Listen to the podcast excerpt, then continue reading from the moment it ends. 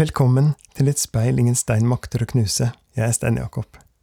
I denne episoden spiller jeg Telemanns fantasi nummer to i A-moll og forteller en historie. Slik juni er grønn, forbinder Skriabin musikk i A med fargen grønn, det som på samme tid er håpets og sykelighetens farge. Kanskje er det derfor de bruker den på sykehusene?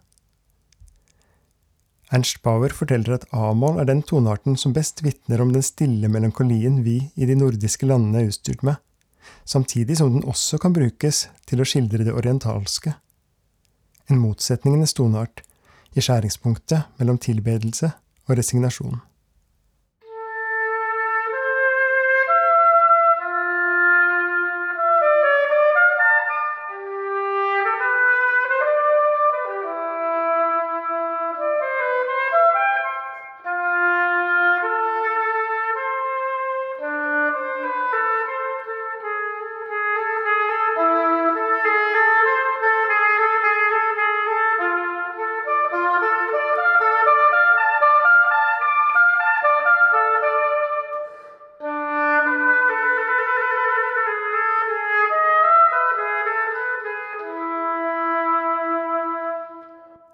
Et helikopter flyr lavt over taket på huset. Hun våkner til glass som klirrer i skapet, og rotorlyden som gradvis avtar. Den store fuglen sleper søvnen etter seg inn i det som er igjen av natten.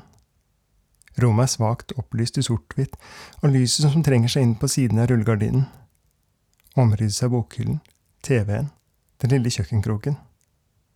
Mobilen blender henne da hun plukker den opp, drukner inntrykkene fra rommet i budskapet om at klokken bare er fire og at det er nøyaktig ingen nye varsler siden sist hun åpnet den. Kjøleskapet kaller lavmælt på henne, og hun setter på lampen over sengen som om dagen er sofa, og drar på seg en genser på vei bort, slipper en kapsel i kaffemaskinen og finner frem en skål til yoghurt mens dagens første kopp durer frem på nesten samme frekvens som kjøleskapet. Med mobilen setter hun på musikk i høyttaleren i bokhyllen, og et mykt, grønt lys i smartlyspærene i de runde lampene på gulvet. Møblene kaster skygge oppover veggen, som i en forvridd skog. Maren er trukket seg tilbake. I lyset stengt inne av rullegardinen er ingen drømmer synlige, bare avtrykk i kroppen etter lyden av rullende stein som gradvis ble til buldringen fra et redningshelikopter. Følelsen av å bli levende begravd. Flere sto og så på, men ingen så henne. Hun drar opp rullegardinen, slipper innelyset ut i morgenlyset, som allerede minner om dagslys på en tid av året hvor det egentlig aldri blir mørkt. Ingen passerer i den stille gaten utenfor. Ingen ser inn på det som ligger synlig for alle i fullt lys i første etasje. Møblene kaster skyggene sine ned mot gulvet igjen.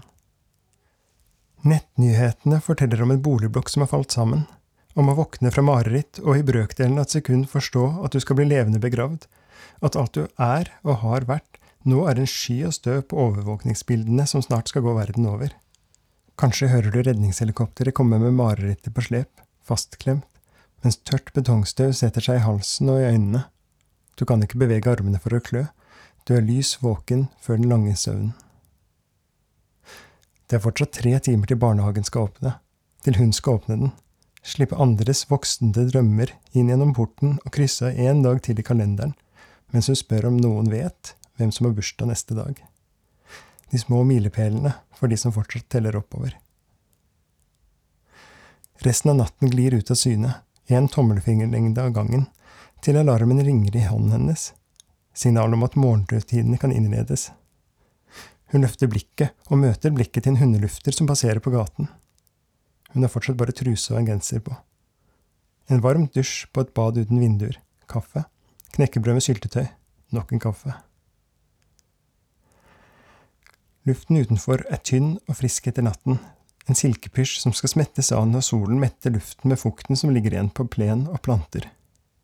Det er noe over 20 minutter igjen da hun vrir om nøkkelen i døren og henger fra seg håndvesken på det trange rommet som er satt av til skifterom for personalet, lager for voksenliv og alt annet som ikke hører hjemme noe sted.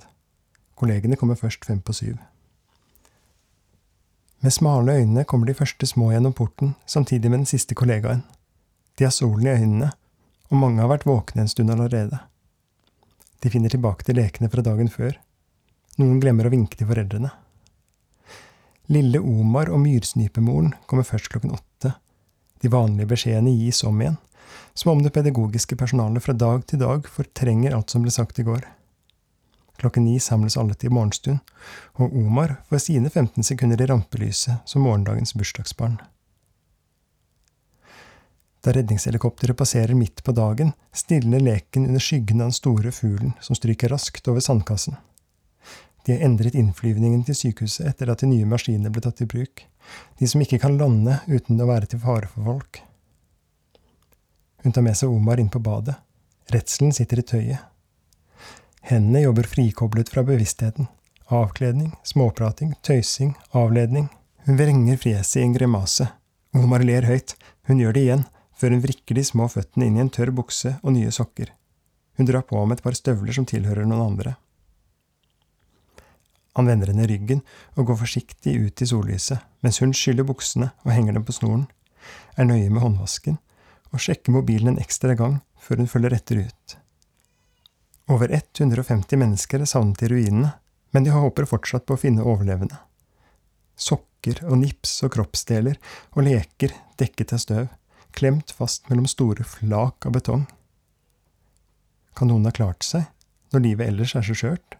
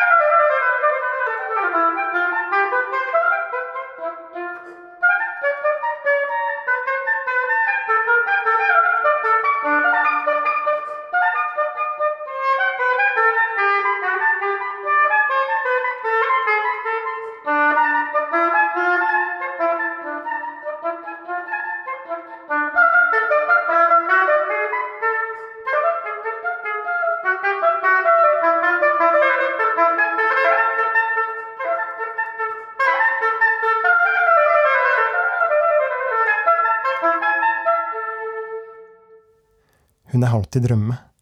Nettene er så korte og så lange. Hun skyver til husken en ekstra gang før hun småløper i retning av noen som gråter. Trøster og børster skitne knær og håndbaker. Tørker av barnets tårer på buksebenet sitt. Forrige semester mistet de et barn i blodkreft her. Livet var så skjørt. Foreldrene tørre i ansiktet som om de var dekket av betongstøv.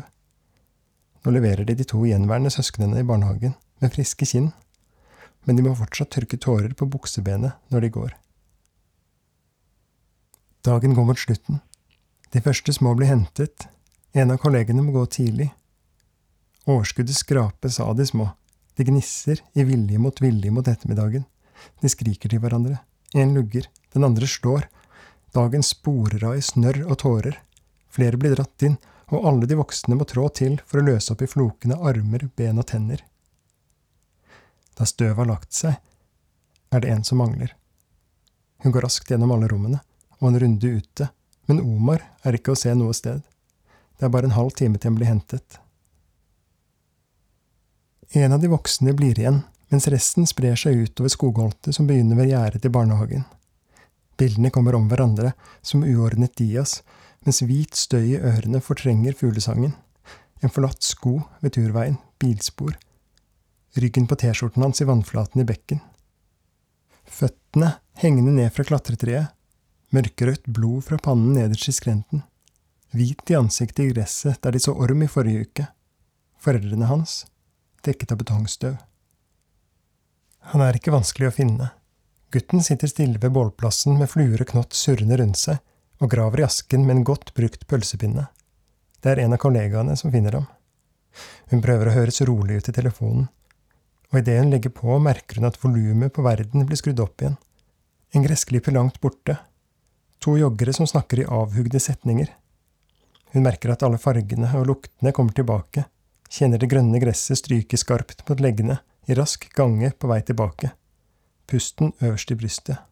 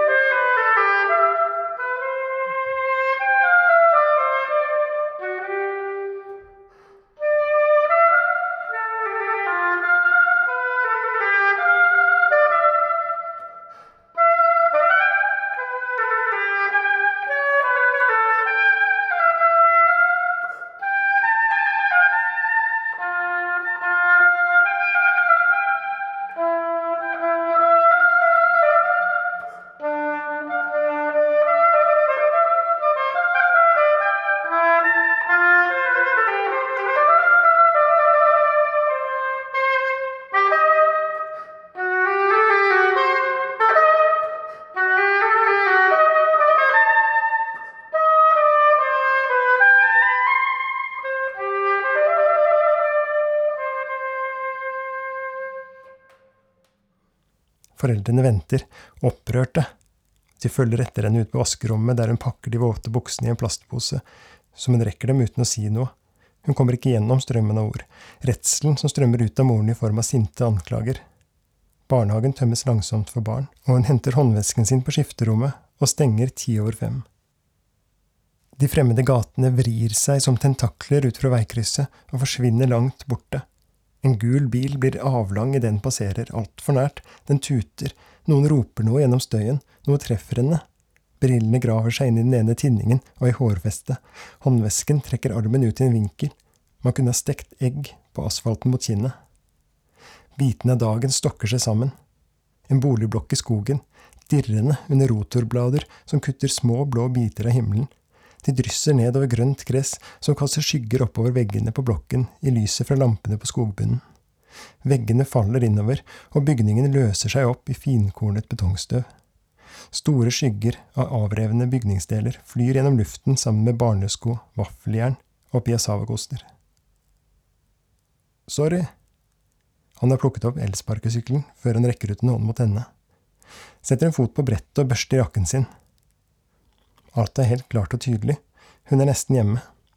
En bil stanser og setter på nødblinken. Alt i orden. Jeg klarer meg fin, sier hun. Du har blod i ansiktet. Bilføreren kommer seg ut og går rett i gang med å skjelle ut sparkesyklisten. Hun går. Et av brilleglassene er knust. Kroppen er så tung, håndvesken trekker i armen ned mot bakken. Hun vil legge seg ned på den altfor varme asfalten, men den fortsetter å bli trukket forbi under skosålene. Hun runder i hjørnet ved butikken, stikker nøkkelen i låsen. Lyset står på siden i morges, en hjelp dagslyset ikke har bedt om. Hun finner frem Pyresept og vasker sårene i ansiktet, før hun slenger brillene i søppelkassen, trekker rullegardinen ned og legger seg på sofaen som om natten er seng. Et redningshelikopter passerer støyende over taket på huset. Det kommer trekkende, med søvnen og marerittene. Pulsen i såret banker tungt mot puten.